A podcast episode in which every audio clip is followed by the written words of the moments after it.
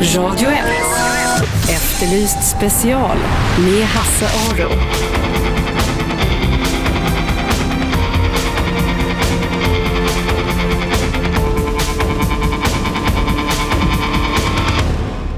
Torgny Jönsson från Ystad har kallats för maffians bankir eftersom polisen misstänkte att han hjälpt kriminella och kriminella organisationer att föra ut mångmiljoner ur landet för flera grova brott. Han uppges ha jagats av kriminella när de börjar kräva tillbaka pengarna och en svensk affärsman ska också ha skickat torpeder till Luxemburg för att driva in 4 miljoner kronor som Jönsson skulle ha tagit emot. De här brotten har han inte dömts för. Men däremot är han dömd till sju års fängelse för att ha lurat till sig 117 miljoner kronor. Han lurade folk att investera i fastigheter, musik och diverse medieprojekt. Han sitter alltså inne sju års fängelse men nu slår han tillbaka. Han menar att han borde ha gripits tidigare och att det är polisen och åklagarens fel att han begick fler brott än vad han behövde göra. Eh, han menar att när avlyssningen av honom inleddes den 23 maj 2008 så borde polisen ha förstått att han tänkte göra flera brott och slagit till mot honom. Men eh, det gjorde de inte utan avlyssningarna pågick i fem månader till och först därefter greps alltså Torgny Jönsson. Detta menar han är fel. Man kunde ha gripit honom tidigare och bevisat att, att han gjort sig skyldig till brott så skulle han inte ha gjort så många brott, inte få så långt eh, straff och så många människor skulle inte ha straffats. Det här tycker jag är en ganska intressant synpunkt. Hur länge får polisen sitta och, och lyssna på brott som begås innan man måste slå till? Torgny Jönsson är en person som eh, eh, brukar eh, eller brukar ska man inte säga, men som gärna stämmer folk och som är lite av, eh, man kanske skulle kunna kalla honom för rättshaverist. Eh, I det här fallet så, så har eh, tingsrätten och domstolen alltså ehm, sagt nej till den här åtalan så nu väcker han enskilt åtal mot åklagaren istället. Torgny Jönsson sitter idag inne. Jag fick en intervju, en telefonintervju med honom från häktet. Och så här sa han då. Eh, alltså min utgångspunkt eh, när jag gav in stämningsansökan mot de här två åklagarna det var ett plenavgörande i Högsta domstolen som innebär att den som i något som helst avseende har drabbats av ett brott anses vara målsägande. Och alltså jag förstår ju om det här sticker i ögonen på alla rättsmedvetna men ifall den interimistiska passivitet som, som, som åklagarsidan faktiskt ägnade sig åt.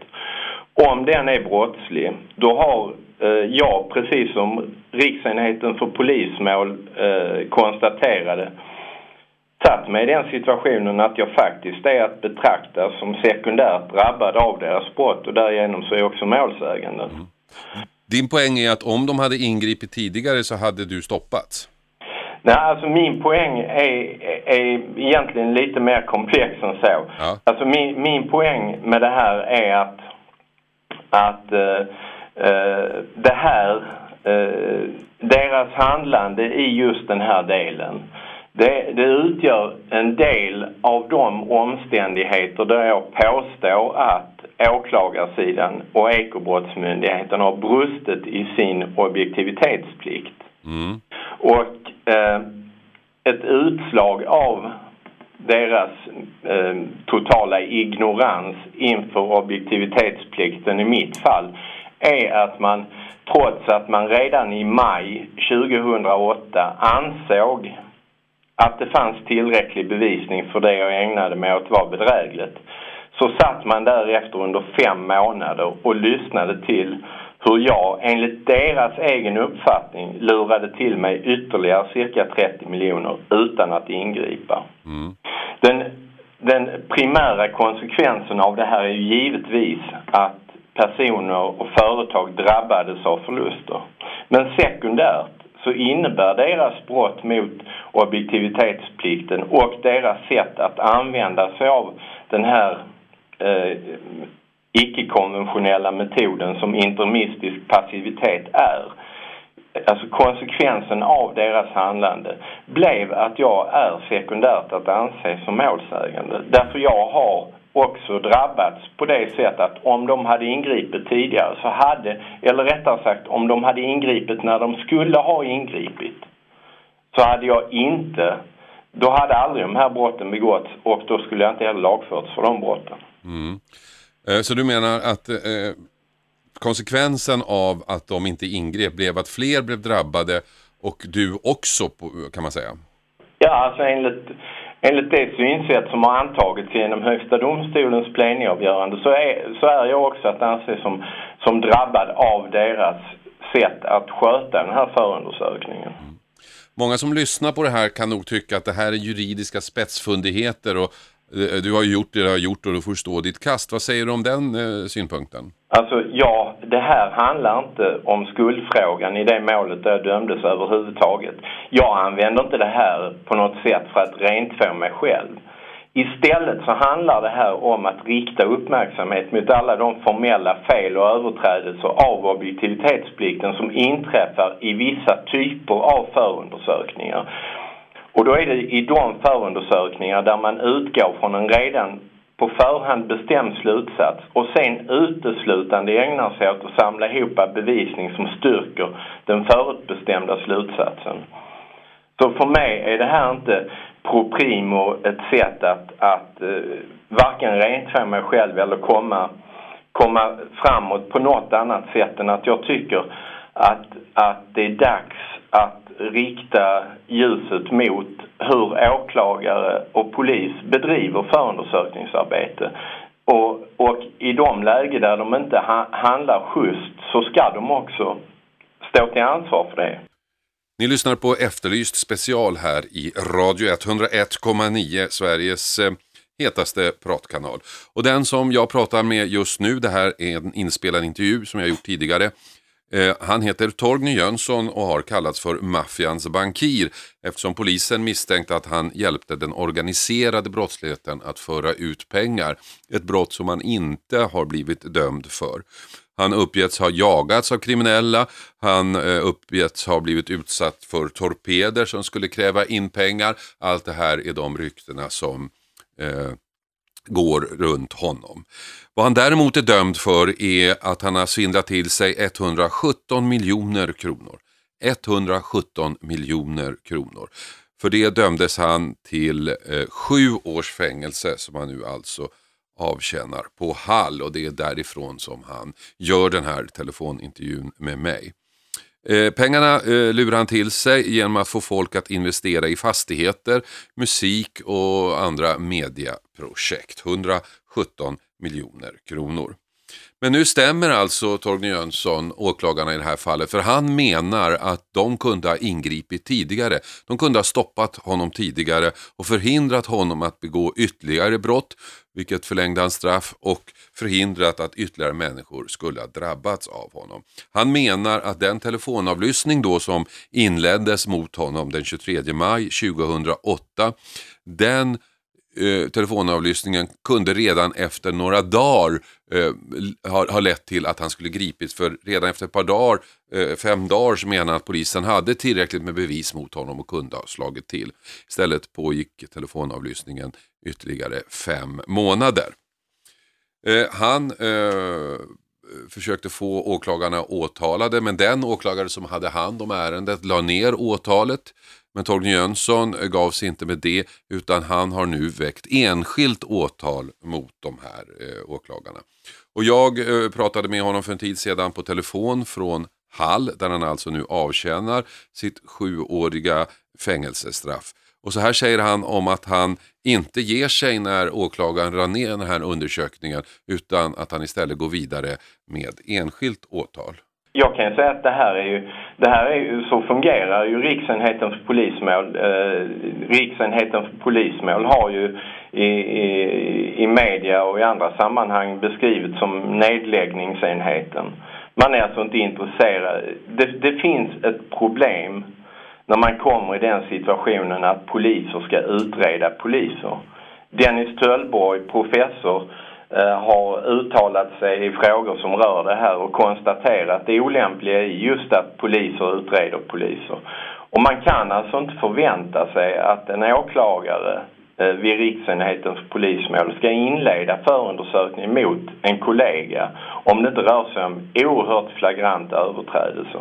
Så därför är just det enskilda, alltså institutet med, med enskilt åtal, det är den vägen du som medborgare har rätt att gå om du tycker att, att, att du har grund för, tillräcklig grund för att, att väcka ett enskilt åtal. Sen är det naturligtvis upp till domstolen att bestämma om åtalet är tillräckligt grundat eller ej. Men som exempel på det här kan jag ju ta eh, att, att jag har alltså vid ett tidigare tillfälle i, vad gäller just den här utredningen som, eh, där jag nu påstår att åklagaren inte ingrep i tid. Där har alltså två av Ekobrottsmyndighetens ledande utredare fällts för tjänstefel om än ringa tjänstefel, men trots det genom ett enskilt åtal som jag väckte. Mm. Om du nu skulle vinna det här målet, vilka konsekvenser skulle det få? Ja, alltså först och främst så hoppas jag ju att det får den konsekvensen att, eh, att eh, man i framtiden hanterar eh, förundersökningar på ett för alla parter mer rättssäkert sätt. Det, för min egen del så får det inga inga konsekvenser överhuvudtaget eftersom jag kommer friges från det här straffet om eh, snart mindre än tio månader. Mm. Eh, men, men när man i en brottsutredning som rör ekonomiska frågor använder sig av den här interimistiska passiviteten som egentligen handlar om, eh, och det tror jag nog att du känner till, om kontrollerade leveranser vid narkotikaaffärer. Mm. Man kan låta en affär genomföras för att, för att kunna få personer som är inblandade lagförda. Mm. När man tillämpar det utan att, att fundera över konsekvenserna på det sätt som man gjort från Ekobrottsmyndighetens sida, då, då, brister man, alltså då brister man i sitt ansvarstagande. Och när det gäller just det här så är det faktiskt så att JK har för närvarande en utredning igång med skadeståndsanspråk från mina målsägare som grundar sig på exakt det som, som mitt enskilda åtal mot de båda åklagarna grundar sig på. Nämligen att Ekobrottsmyndigheten visste vad som pågick, satt med armarna i kors och tyckte att det var okej okay att allmänheten skulle ställa upp med 30 miljoner kronor för att få en fällande dom mot mig. Ni lyssnar alltså på Efterlyst special här på Radio 1. Eh, vi pratar med, eller jag pratar med Torgny Jönsson. Det här är en bandad intervju jag gjorde för en tid sedan därför att Torgny Jönsson sitter i fängelse och kan inte komma ut. Han är dömd för sju år, till sju års fängelse för att ha svindlat till sig 117 miljoner kronor. Nu stämmer han alltså i ett enskilt åtal. Åklagarna som han menar skulle ha ingripit tidigare mot honom och därmed sparat eh, lidande för de som drabbats och kanske eh, gjort att han fått lite kortare straff. Vi ska fortsätta prata med honom, Torgny Jönsson alltså, efter pausen. Radio 1. Efterlyst special med Hasse Aro.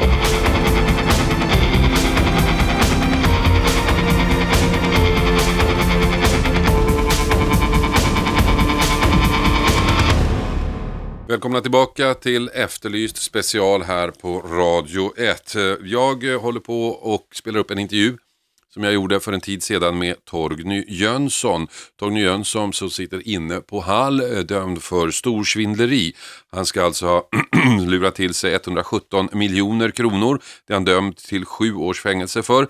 Och eh, han lurade folk att investera i fastigheter, musik och diverse medieprojekt som då inte blev av. Och Jönsson är tidigare känd av polisen. Han har kallats för maffians bankir eftersom polisen då misstänkt att han hjälpt den organiserade brottsligheten att föra ut pengar ur landet. Och eh, Enligt samma misstankar skulle han också legat lite risigt till och blivit utsatt för torpeder som ska kräva tillbaks pengar. De här brotten har han inte blivit dömd för utan det är bara vad polisen har misstänkt.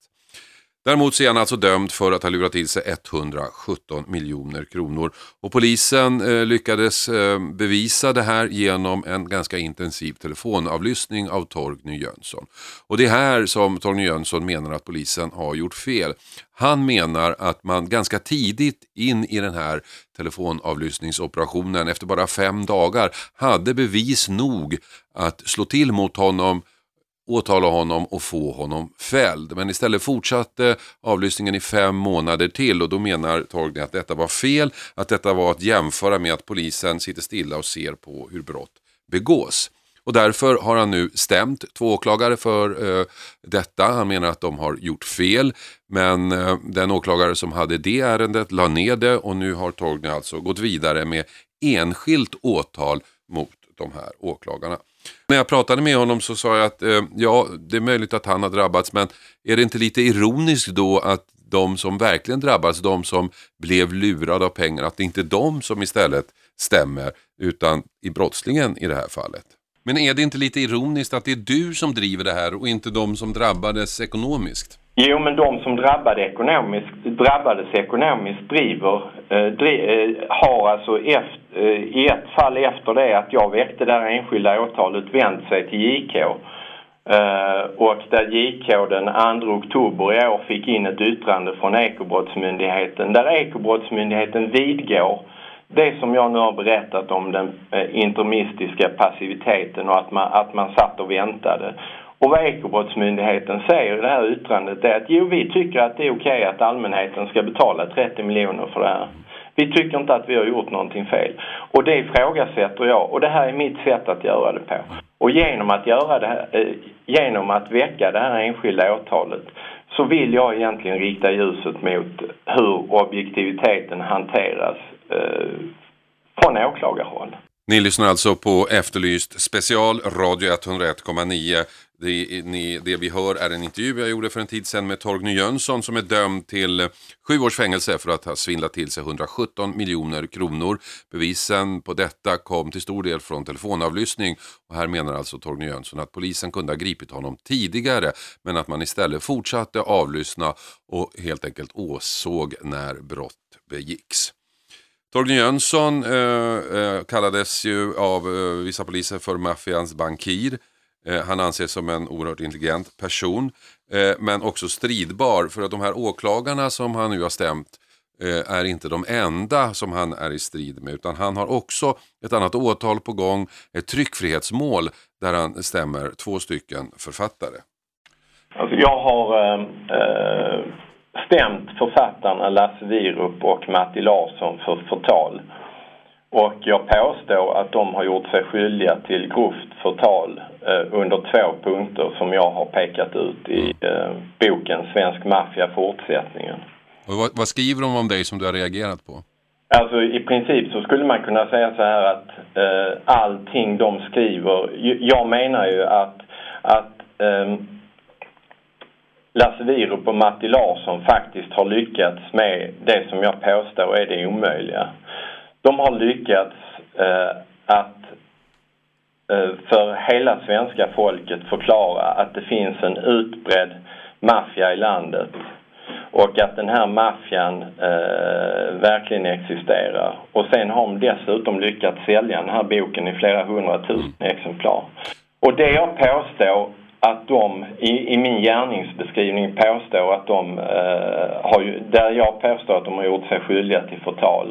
Det är dels under ett avsnitt som rör mina affärer med Tomelilla Sparbank. Där jag påstår att det de säger där är sant och saknar eh, skälig grund. Och sen finns det ytterligare ett påstående om att jag skulle ha bedragit en person.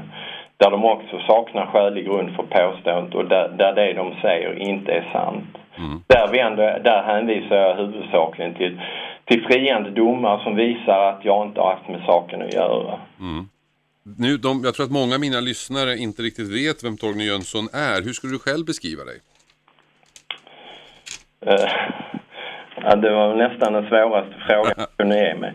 Eh, jag, eh, jag dömdes, eh, jag är dömd tre gånger för olika typer av ekonomiska brott. Första gången 1992 för grova skattebrott i samband med vinstbolagsaffärer. Sen 1992 till ett och, eller 2002 till ett och ett halvt års fängelse för grovt bedrägeri.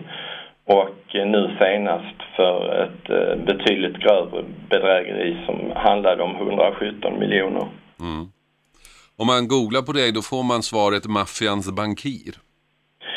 Alltså det är ju, det är ett, eh, det är ett namn som jag delvis har, har um, fått genom att jag förekommer i boken Svensk maffia fortsättningen. Eh, det här namnet eh, har ju också tillkommit genom, eh, vad ska man säga, jag, jag, är, jag är inte riktigt överens med kriminaljournalister om hur kriminaljournalistiken i det här landet bedrivs. Så man kan väl säga att maffians bankir är väl en reproduktion av av de texter som Lasse Wierup har skrivit om mig ända sedan 1996. Mm. Nu sa du, du sa själv att du har knappt tio månader kvar. Vad händer sen när du kommer ut? Uh, det är någonting som jag behåller för mig själv. Men jag har väl inga, inga planer direkt att stanna kvar i Sverige. Sa alltså Torgny Jönsson. Eh, Torgny som är dömd till sju års fängelse för att ha svindlat till sig 117 miljoner kronor av folk. Han har lurat dem att investera i fastigheter, musik och eh, diverse medieprojekt som inte fanns helt enkelt. Men eh, Torgny har alltså stämt åklagarna i ett enskilt åtal därför han menar att de ingrep för sent mot honom. De hade bevis redan efter fem dagars eh, inspelning av telefonavlyssning som de höll på med men de fortsatte i fem månader till och därmed så kunde han göra fler brott och fler människor blev drabbad, hävdar alltså han. Ni lyssnar på Efterlyst special. Hasse Aro heter jag. Ehm, det är torsdag idag. Det här programmet eh, kommer att fortsätta om en liten stund. Hoppas ni är med då också. Radio 1. Efterlyst special med Hasse Aro.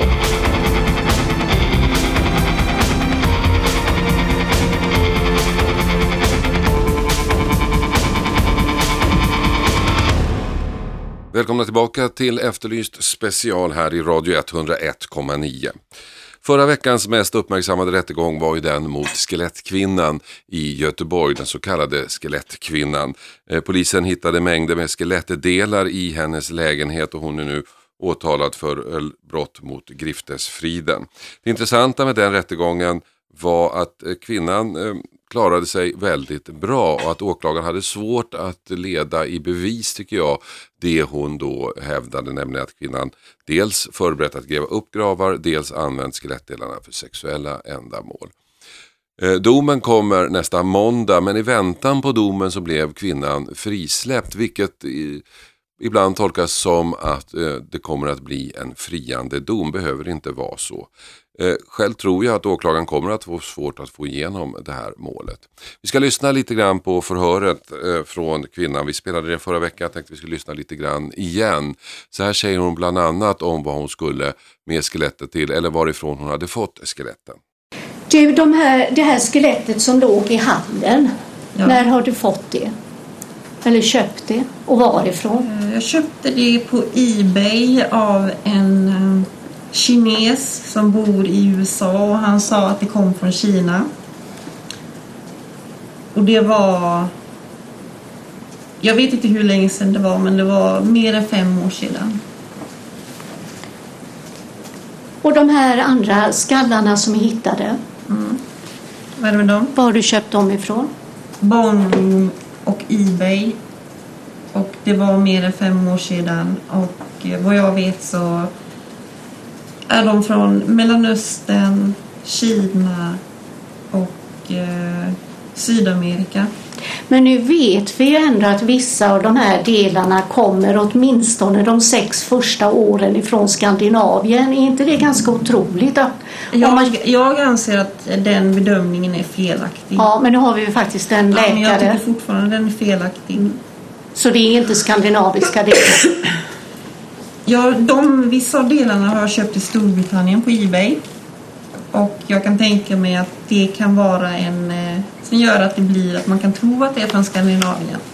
Men min uppfattning min personliga uppfattning är att ingen av dessa bendelarna är från Skandinavien. Oavsett vad rättsläkaren säger? Ja, nu vet ju inte jag eh, om personen som hade dem i Storbritannien har köpt dem från, Stor från Sverige någon gång för länge sedan innan jag fick dem. Men det är ju ändå ganska otroligt. Du kommer ju själv från Sverige och det verkar vara väldigt många faktorer som gör att just skandinaviska delar har kommit till dig. Min uppfattning är att de är från Storbritannien, Kina, eh, Mellanöstern och eh, Sydamerika. Jag, jag har inte någon kunskap om att någon skulle vara från Skandinavien. Jag hävdar detta för bestämt, för det är så det är.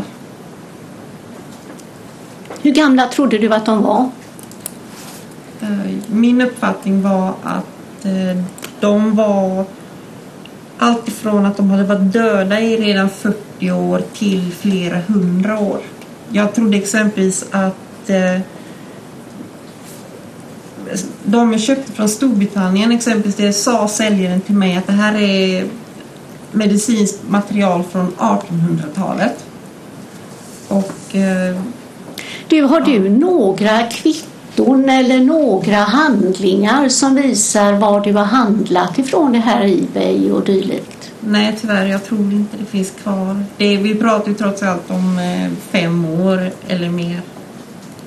Och varför har du haft de här skallarna hemma? Alltså, vad är det som gör att du har dem liggande hemma? Jag är osteologiskt intresserad. Mm.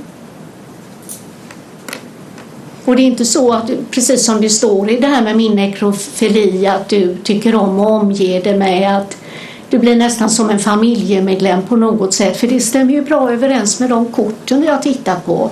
Skallar som ligger nerbäddade nästan som en familjemedlem. Nej, men det har jag aldrig gjort.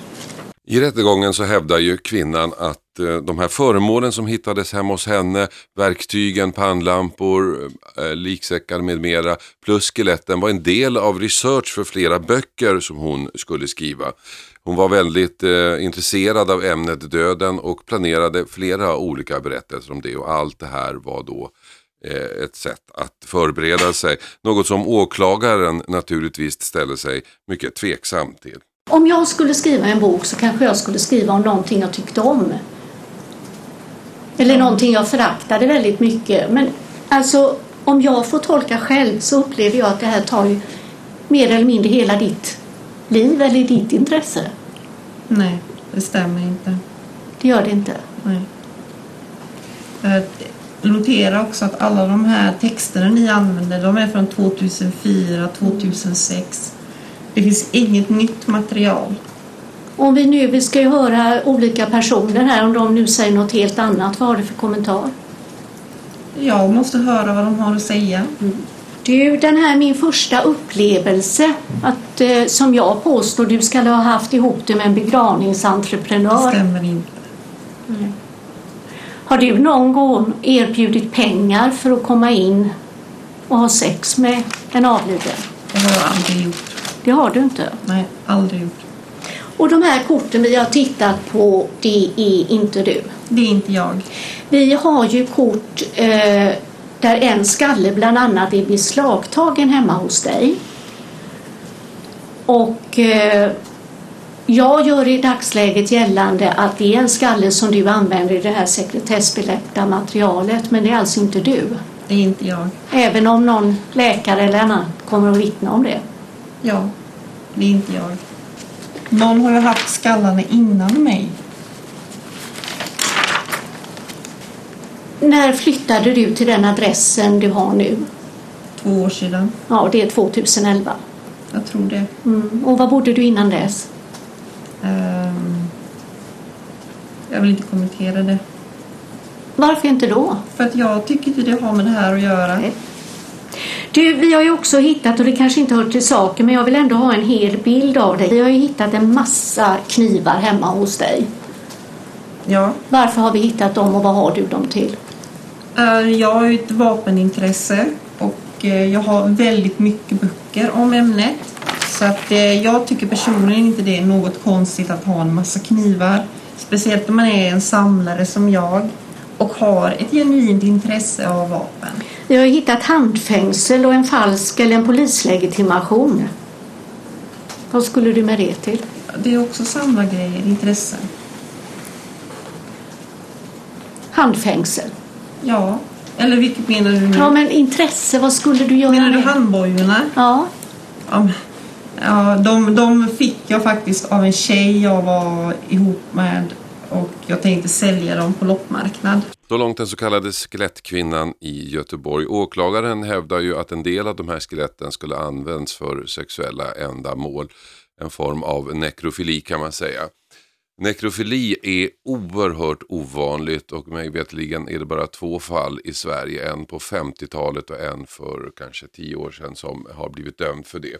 Martin Grann är adjungerad professor i psykiatrisk epidemiologi vid Karolinska institutet och han bekräftar att det här är väldigt ovanligt. Det här är ett väldigt, en väldigt ovanlig eh, parafili som det kallas, alltså sexuell avvikelse då. Väldigt eh, ovanligare än ehm, jag har försökt hitta studier faktiskt där man försökt titta på hur vanligt det skulle vara i befolkningen men jag har inte hittat några, några bra siffror på det men det är ytterst ovanligt. Sen ska man i och för sig lägga till att att eh, det kan vara en högre andel i befolkningen som har, har ett slags intresse för döda kroppar som kan vara det lite sexuellt kittlande hållet. Man är ute mm. på internet och tittar och så. Men det, då kan det handla mer om att det är personer som är allmänt intresserade av avvikande sex och, mm. och kinky grejer då. Men att man faktiskt verkligen tänder på en död kropp och vill göra det med en död kropp, det, det är väldigt ovanligt. Och det är mm. väldigt ovanligt att det är en kvinna också. För att på de studier jag hittar då så verkar den typiska nekrofilen vara en, vara en man faktiskt. Ja, det är ju det man tänker sig kanske. Mm.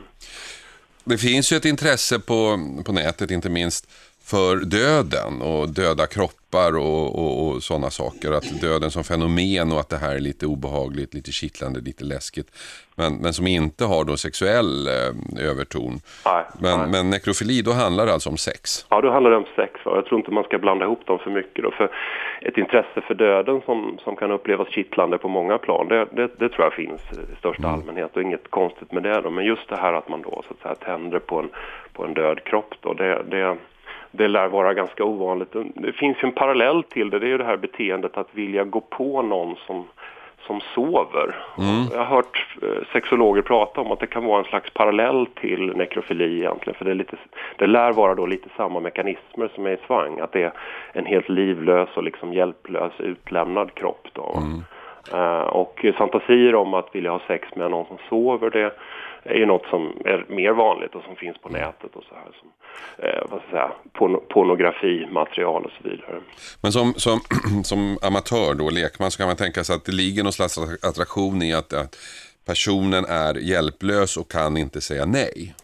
Ja, eh, i alla fall när det gäller det här med sex med sovande då. Mm. Eh, men, men som sagt nekrofili, alltså egentligen hur, hur de här människorna tänker och hur deras sexualitet ser ut, vi vet ganska lite om det.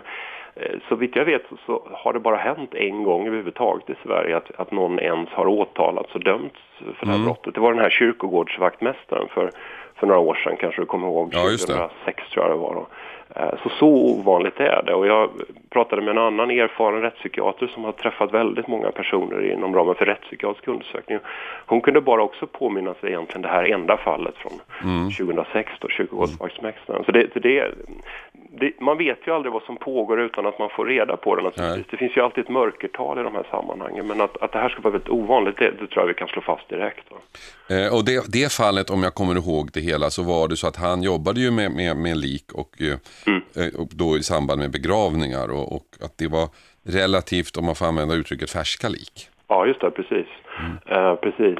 Och eh, man kan ju tänka sig, va, nu spekulerar jag väldigt vilt här, men man kan ju absolut tänka sig att personer med den här dragningen drar sig till den typen av yrken där man får kontakt, kontakt med, med döda kroppar då. Mm. Och att de kanske finns där, det, de kanske finns där utan att man agerar ut fantasierna, men man umgås med de här fantasierna. Vi vet ju, om jag får göra en para, eh, parallell till eh, pedofili, eh, som är ett vanligare tillstånd, mm. sexuell attraktion mot barn, då, att, att personer med pedofili har också en överrepresentation i sammanhang och yrken där man kommer i kontakt med, med barn då, mm. dagis och så liknande då. Och det kan vara li, lite likadant här då, va? Eh, kyrkogård eller rättsmedicinska verksamheter eller vad det skulle kunna vara. Men det, det är spekulation. Mm. Eh, men kyrkogårdsverksmästaren är ju ett klart fall och den är så att säga eh, bevisad och, och avdömd då. Och mm. hur det går här får vi väl se då. Ja, hur det går här får vi alltså se. Martin Grann adjungerad professor i psykiatrisk epidemiologi vid eh, eh, Karolinska institutet, sa det, detta med anledning av eh, den så kallade skelettkvinnan och rättegången mot henne förra veckan. Dom kommer alltså nästa måndag. Ni lyssnar på Efterlyst special, vi är strax tillbaka. Radio 1. Efterlyst special med Hasse Aro.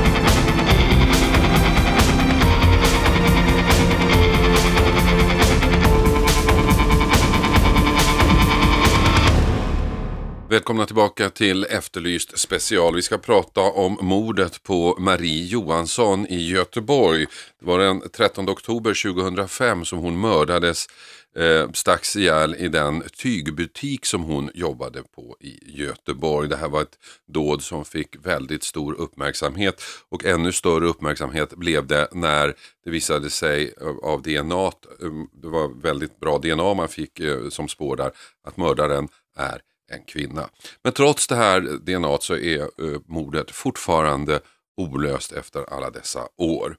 Vi fick eh, nyligen in ett anonymt tips till Efterlyst-redaktionen eh, som pekar ut en person. Det här tipset är inte särskilt starkt men det är ett av många tips som har kommit in under alla år den här utredningen har pågått. Ni kommer säkert ihåg den här händelsen. Anders Sandholm är chef för grova brottsroten eh, på polisen i Västra Götaland och den som idag leder utredningen om mordet på Marie Johansson. Och så här berättar han om mordet. Hon anträffades där och eh, var eh, mördad, knivskuren. Och det här mordet då var, blev ju väldigt uppmärksammat i, i Göteborg och, och, i Sverige överhuvudtaget. Mm, det stämmer, det stämmer. Vi, efter den på, I samband med den pågående förundersökningen så anträffade vi DNA som med eh, stor sannolikhet och med säkerhet skulle jag vilja säga kommer från en kvinna.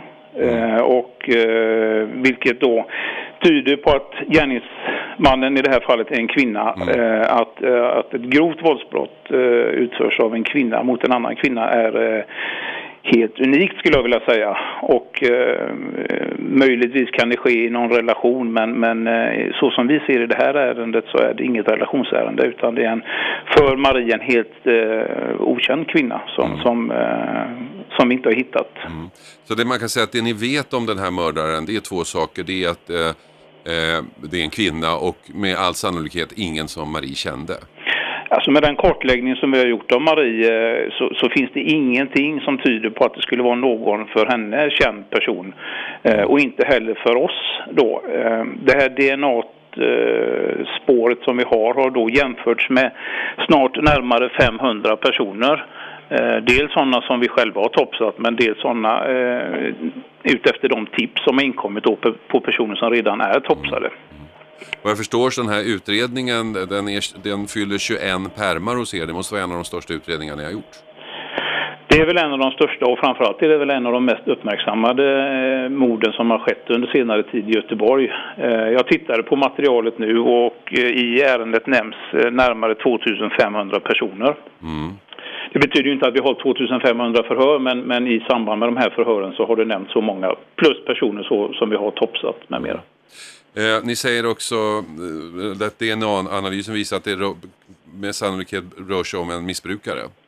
Ja, inte enbart på, på, på DNA utan det, det, är väl så här att i samband med, med eh, förundersökningen så har det ju kommit fram uppgifter om en person som har rört sig i området och uppträtt på ett eh, minst sagt underligt sätt. Mm. Vi har även haft gärningsmannaprofilgruppen i Göteborg som, som har kommit med eh, och, och, tittat över ärendet och, och, har samma uppfattning som vi har. Vi letar alltså efter en person som, som eh, med stor sannolikhet eh, har ett missbruk och eh, ett eh, asocialt leverne. Och den här utredningen pågår ju, preskriptionstiden är ju, är ju borta förstås. Och vad jag förstår så ni topsar fortfarande kvinnor? Absolut, och, och, i samband med att det kommer in tips och, och uppslag i ärendet, eh, bland annat beroende på, på den uppmärksamhet som det har i media, så, så är det ett, ett eh, ständigt inflöde av, av tips. Ni lyssnar på Efterlyst special. Vi pratar om mordet på 36-åriga Marie Johansson som stacks ihjäl i sin, eh, sin, på sin arbetsplats i en tygbutik i Göteborg den 13 oktober 2005. Ett mm, eh, mord som fortfarande är ouppklarat trots att polisen har väldigt bra DNA som visar att det var en kvinna som utförde mordet. Man har topsat närmare 500 kvinnor men fortfarande inte träffat rätt.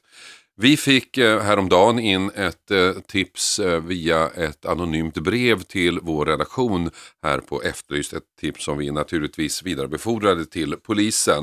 Och så här säger Anders Sandholm om det tipset. Det är ju ett tips som vi, som vi får analysera och titta på. Finns det något i, i vårt i vårt befintliga material som, som, som kan kopplas till det tipset. Sen är det ju så också med anonyma tips, man får ha en viss, eh, jag skulle inte vilja säga skeptisk, men man får vara observant på, på vilket håll det här tipset då eventuellt skulle peka åt. Mm. Eh, och problemet med anonyma tips, eh, det finns ju flera problem med anonyma tips, kan du ge exempel?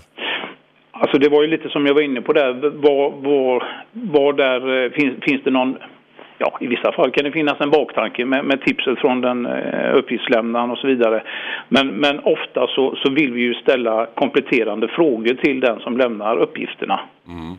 Folk har väl kanske en en, en känsla av att bara man berättar det man vet så är det klart. Men det kan ju vara början på någonting som sen leder någonstans och därför är det viktigt att få tag i personen. Ja, skulle det vara i det här fallet tipset leder till en person som vi kan topsa och vi får träff i DNA så vill vi naturligtvis komma i kontakt med personen som har lämnat tipset för att då följa upp det. För, för Får vi ett, ett, en träff på DNA så har vi en gärningskvinna i det här fallet. Mm. Och det är självklart att vill vi komma i kontakt med uppgiftslämnarna i det. Eran situation påminner lite grann om mordet på tioåriga Helen i Hörby där man också hade ett bra DNA och som man topsade hundratals personer utan träff. Och sen var det en av utredarna som på en privat fest fick ett tips om en person och det ledde till att, att, att fallet kunde lösas. Och, och, ni befinner sig i den situationen också, det här kan vara löst imorgon. Jag skulle vilja kunna säga så att det kan vara löst redan nu medan vi sitter och pratar här. Eh, personen i fråga kan vara gripen för vilket annat brott som helst eh, och, och kan komma att topsas och, och, då kommer jag få reda på det resultatet inom, inom eh, kort. Så vi går väl egentligen och väntar men samtidigt så arbetar vi då med uppslag och tips som kommer in från allmänheten och, och, och så vidare. Kan det vara så att den här kvinnan faktiskt är, inte längre är i livet?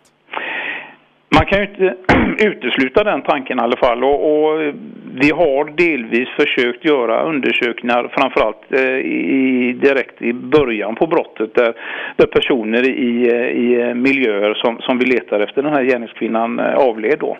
Men eh, ja absolut så, så kan det ju vara.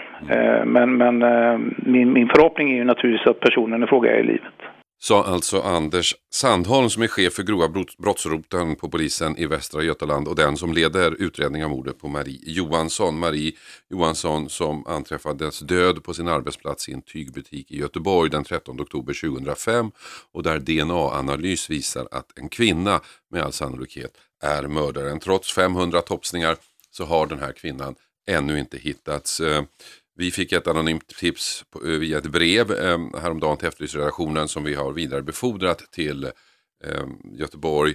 Men Anders eh, Sandholm verkar inte vara eh, alltför optimistisk att just det brevet ska leda någonstans även om han tror att fallet så småningom kommer att lösas. Efterlyst special är slut. Tack för att ni lyssnade. Vi hörs igen imorgon. 101,9 Radio 1 Sveriges nya pratradio